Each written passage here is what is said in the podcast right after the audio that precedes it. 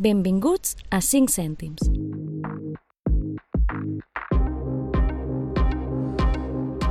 Un podcast per fer un tastet de cultura, fe i actualitat.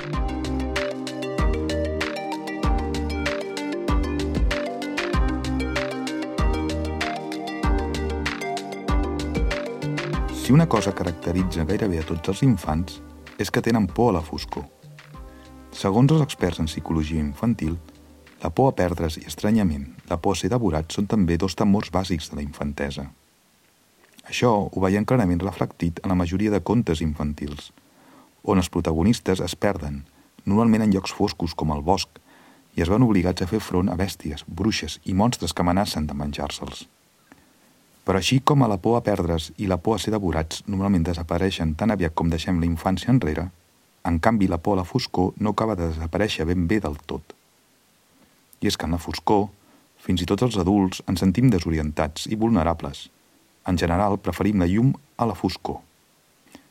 Crida també l'atenció que quan passem per moments difícils en l'àmbit personal, la mort d'algú estimat, la fi d'una relació sentimental, o fins i tot quan es produeixen esdeveniments convulsos a escala social o en determinats períodes de la història, ens hi referim com èpoques de foscor. Com per exemple està sent l'inici d'aquest 2020 sense anar més lluny. D'aquí que al llarg de les darreres setmanes una de les frases que més hem escoltat en algunes de les seves diverses versions sigui després de la tempesta el sol brilla amb més intensitat o just abans de l'alba és el punt més fosc de la nit. En altres paraules, això no durarà per sempre. Ens en sortirem, perquè sempre hi ha una llum al final del túnel. Tot aquest pensament positiu ens fa bé perquè ens permet mirar endavant, tenir esperança i confiar, com penja dels balcons i finestres de moltes cases, que tot anirà bé. I curiosament, el símbol que ho il·lustra és un art de Sant Martí que en la història bíblica apareix després del terrible episodi del diluvi universal. Rebent per part de Déu la promesa que mai més el món tornaria a patir un episodi d'aniquilació total per la pujada de les aigües. Segons aquest relat bíblic, l'art de Sant Martí és el recordatori d'aquella promesa, el que dèiem.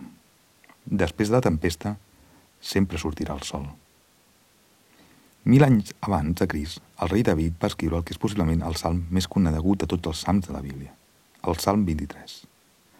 Una de les frases en aquest poema diu «Ni que passi per la vall més fosca, no tindré por de cap mal, perquè tu sempre hi seràs amb mi. Enmig de la foscor i de la vall tenebrosa, David descansava en Déu, a qui en una altra ocasió descriu com la seva llum i la seva salvació. Potser l'exemple de la cançó popular americana, This Little Light of Mine, ens resulta més proper i entenible.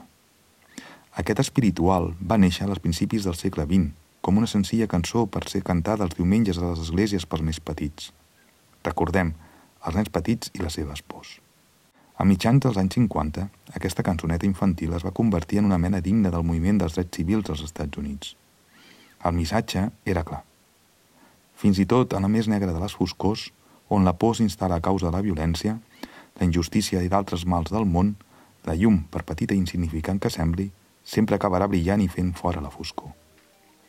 A causa de la pandèmia del coronavirus, fa moltes setmanes que estem tancats metafòricament parlant la foscor de les nostres cases. Però, gràcies a la ciència, la medicina i la tecnologia de què disposem, confiem en un futur no era llunyà poder veure la llum al final del túnel.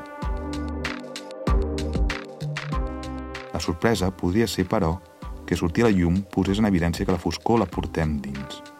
De fet, és possible que la foscor d'aquest confinament hagi fet sortir a la llum les nostres pors més profundes? I fer que d'alguna manera ens adonem que no tenim tanta llum interior com sovint pensem? A mesura que ens anem fent grans, perdem moltes de les pors irracionals o fantàstiques de la infància. Però la por a la foscor, dins o fora nostra, continua sent ben real. A quins recursos li farem front? Us convidem a pensar-hi. Moltes gràcies per donar-nos uns minuts del vostre temps. I si el que heu escoltat ha estat d'ajuda o creieu que pot ser d'ajuda per algú altre, us convidem a compartir aquest àudio i continuar la conversa seguint-nos per les xarxes socials i a 5cèntims.cat.